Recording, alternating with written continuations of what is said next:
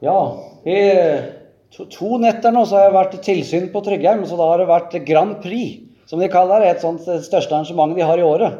Det er nesten litt sånn susete i hodet, holdt jeg på å si. Der er det lyd og full guff hele, hele helga. Og vært oppe litt på nettene begge to, men vi skal nå komme oss gjennom allikevel. Eh, vi fortsetter litt med å be sammen. Kjære Jesus, takk at eh, du er verdens frelser. Jeg ber Jesus om at du måtte rope inn i, i, vårt liv på en sånn måte at eh, vi fikk bruk for deg. At vi kjente at eh, Jesus, det er deg jeg vil tilhøre. Kunne du også gi, gi oss det i vårt følelsesliv innimellom, at vi får kjenne også at det er godt å tilhøre deg. Selv om ikke frelsen bygger på disse følelsene, Jesus, så er det godt å få erfare og kjenne at du er min. Så ber jeg Jesus eh, videre fra denne formiddagsstunden ber du må tale til oss, Jesus, som du har gjort så mange, mange ganger før. Inn direkte inn i våre liv. Amen. Vi skal lese litt fra første Samuels bok eh, i dag. Eh, jeg har tenkt litt på dette her med at Jesus han eh, vil ha med deg og meg å gjøre og rope inn i, i våre liv. Han vil, han vil, røre ved deg, og han vil tale med deg. Og så er det ikke bestandig at vi steller livet vårt sånn til at vi er lydøre for Han. Og Sånn er det jo. Det går, livet, vårt, livet vårt går opp og ned også på den måten. Vi leser fra første Samuels bok, kapittel 3, eh, også fra vers 4 der. Og det er når, eh, når Samuel blir kalt av Herren, han blir kalt av Gud. Og eh, det er Elkana og Hanna, foreldrene, som har satt en tilsynsmann, Eli, til å følge med Samuel. Og en kveld som de har lagt seg, så kommer Herren, og så roper han på Samuel. Og Da står det sånn fra vers 4. Da ropte Herren på Samuel, og han sa, Ja, her er jeg. Han løp til Eli og sa, Her er jeg, du ropte jo på meg. Men Eli sa, Jeg ropte ikke. Gå og legg deg igjen. Han gikk og la seg. Men Herren ropte enda en gang, Samuel. Og Samuel sto opp og gikk til Eli og sa, Her er jeg, du ropte jo på meg. Men han sa, Jeg ropte ikke, Min sønn, gå og legg deg igjen. Samuel kjente ennå ikke Herren, for Herrens ord var ennå ikke åpenbart for ham. Da ropte Herren tredje gang, Samuel. Og han sto opp og gikk til Eli og sa, Her er jeg, du ropte jo på meg. Da skjønte Eli at det var Herren som ropte på gutten. Og Eli sa til Samuel, Gå og legg deg, og blir det ropt på deg, så skal du si, Tal, Herre, din tjener hører. Og Samuel gikk og la seg på sin plass.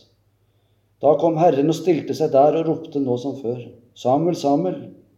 Og Samuel sa, Tal, din tjener hører. Ja, Herren, Gud i himmelen, han roper inn i, ditt og mitt liv. Han kaller på meg og deg i så mange situasjoner. Og det som er En ting, som er, en ting som er helt sikkert, er det at eh, vi klarer ikke å forstå Gud. Vi klarer ikke å forstå hvor stor Han er. Og vi klarer ikke å forstå planene han har i vårt liv. Vi klarer ikke å se de fullt ut. Og vi klarer jo heller ikke å se inn i framtida. Og eh, du som eh, sitter her også nå, du har en, en livshistorie. Har, eh, I ditt liv så har du sett Gud arbeide på flere måter. Nå vet jeg ikke om alle er frelst som er her og tror på Jesus.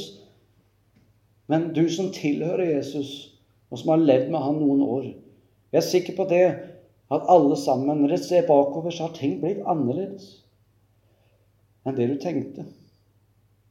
Og er det noe som er sikkert, så er det det at ting ikke blir sånn som vi tror.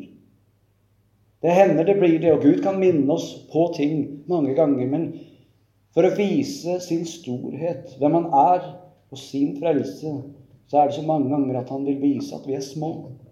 Han vil gjøre oss ydmyke og små for at vi har bruk for Han. Derfor så ser vi så mange ganger at Gud i himmelen han roper inn i menneskets liv på så forskjellige måter. Og inn i barns liv.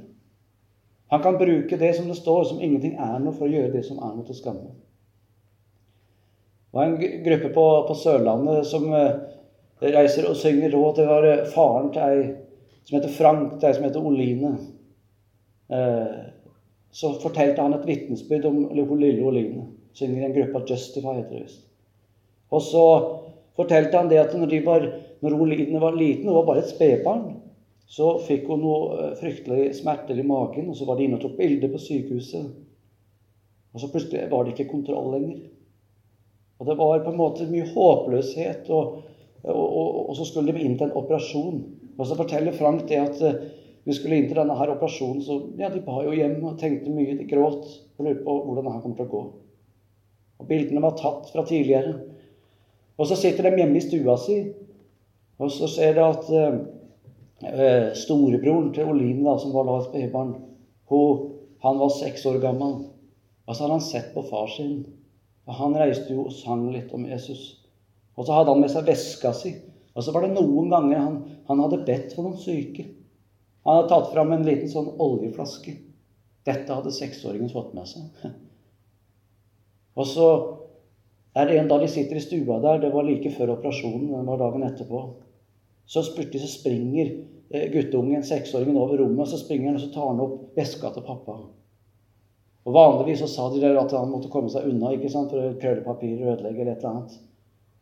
Men var situasjonen spesiell? Jeg vet ikke om de forsto eller hva. Men de bare, de bare kikka på mor og far. Og så tar han og fisker ut denne oljeflaska. Og så går seksåringen over rommet, og mor og far står og ser på. Allerede kjenner liksom at det stikker litt.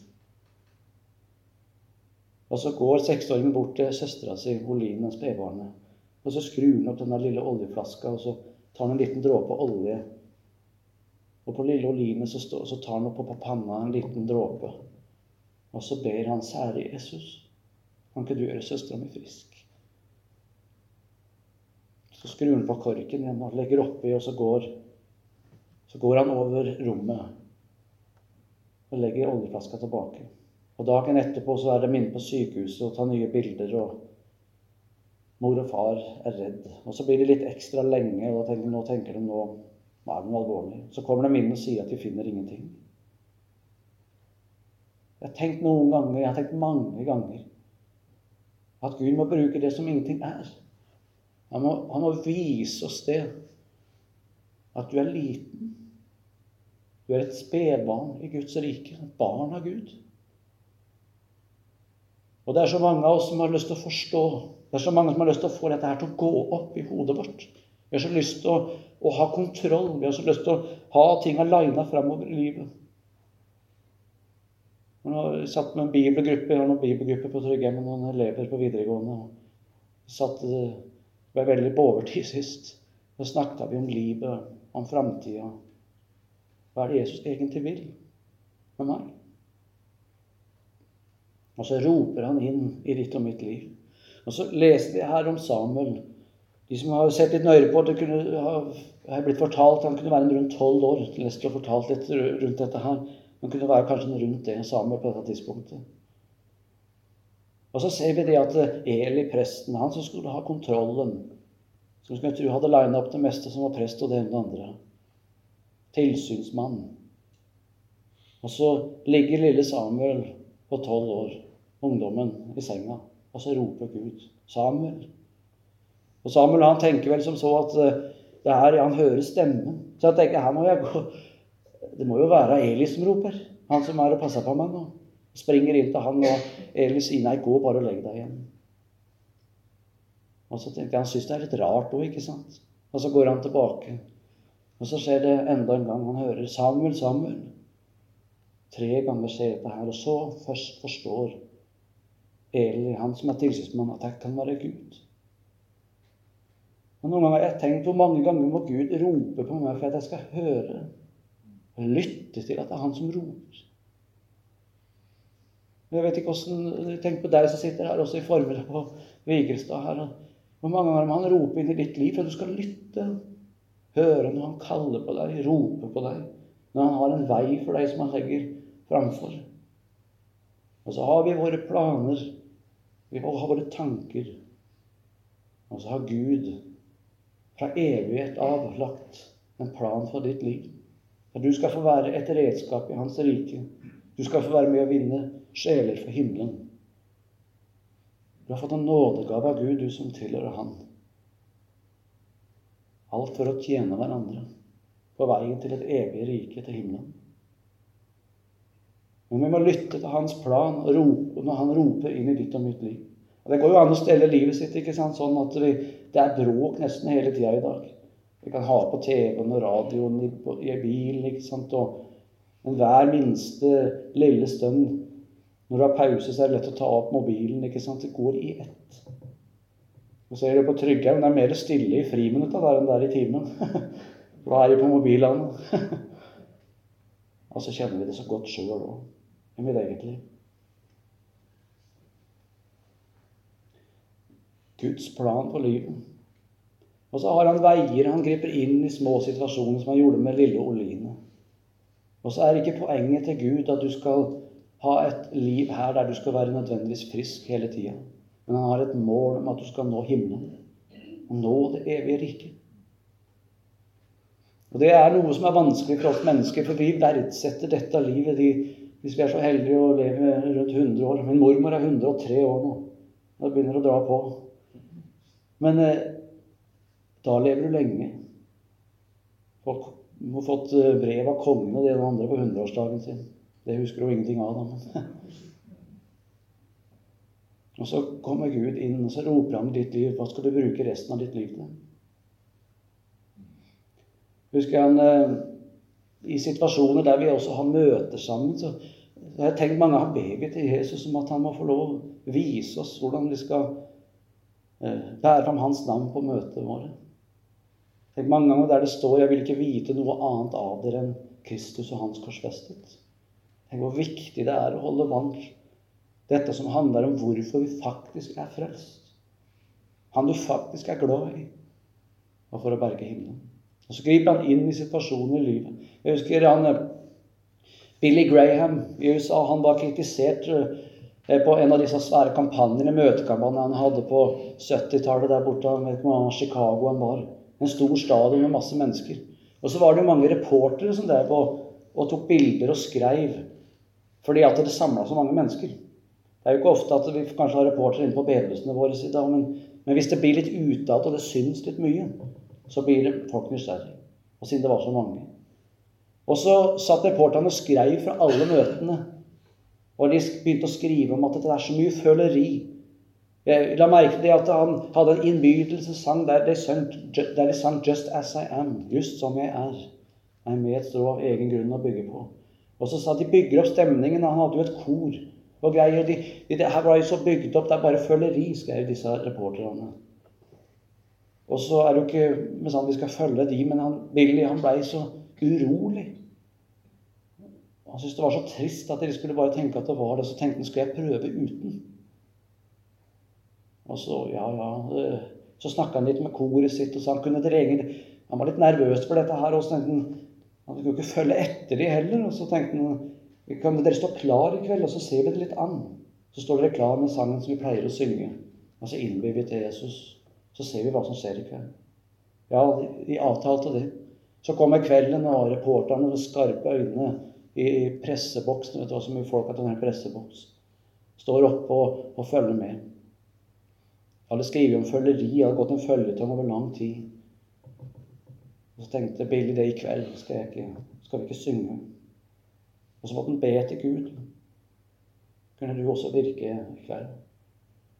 Og så innbytte han til Jesus, og han pleide å gjøre det sånn at folk kom fram. Det er jo ikke det er litt forskjellig hvordan han gjør for forskjellige steder. Og så sa han ja, nå kan dere komme fram til Jesus.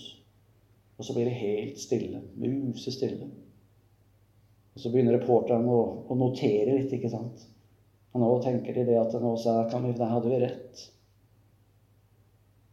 Og det går det mange sekunder, og hvert sekund er langt i Billy Graham.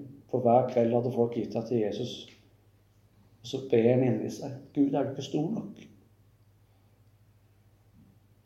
Og så kommer det en klappstol opp i ene sida, for det var sånne stoler som gikk opp av seg sjøl. Og så smalt det litt og vippa i en sånn klappstol. Ett menneske begynte å gå fram. Og så kom det ene etter det andre. Så kom det faktisk 1000 mennesker fram ca. den kvelden. Til forbønn hos Jesus. Og etter den kvelden der i Chicago så var det flere dager etter hverandre så sang de ikke. Så begynte reporterne å skrive Det sto en stor overskrift 'Give us back the song. The silence is killing me. Gi oss sangen tilbake. Klarer ikke denne stillheten mer. Men det er underlig nok Gud med sin stillhet i vårt liv, når alt er slått av i lønnkammeret hos Jesus Kristus. Vi får folde dine hender, og som et barn komme til Han. Og så kan Han rope inn i vårt liv. Du lytter vel når Gud roper, gjør du ikke? Du vil høre når Han taler inn i ditt liv. Følge Hans kall din framtid. Samuel kjente ennå ikke Herren, for Herrens stod var ikke åpenbart, står det for ham. Og Gud, han åpenbarer sitt ord i den rette tid. Og så viser han deg hvem han er. Og så kaller han Samuel inn i sitt liv. Og jeg hadde noen planer for mitt liv òg. Jeg, jeg, skulle bli rik. jeg Langt ned i barneskolen skulle ha mye penger. og Jeg så på TV husker jeg folk med stresskoffert. Det var, var på 80-tallet og greier.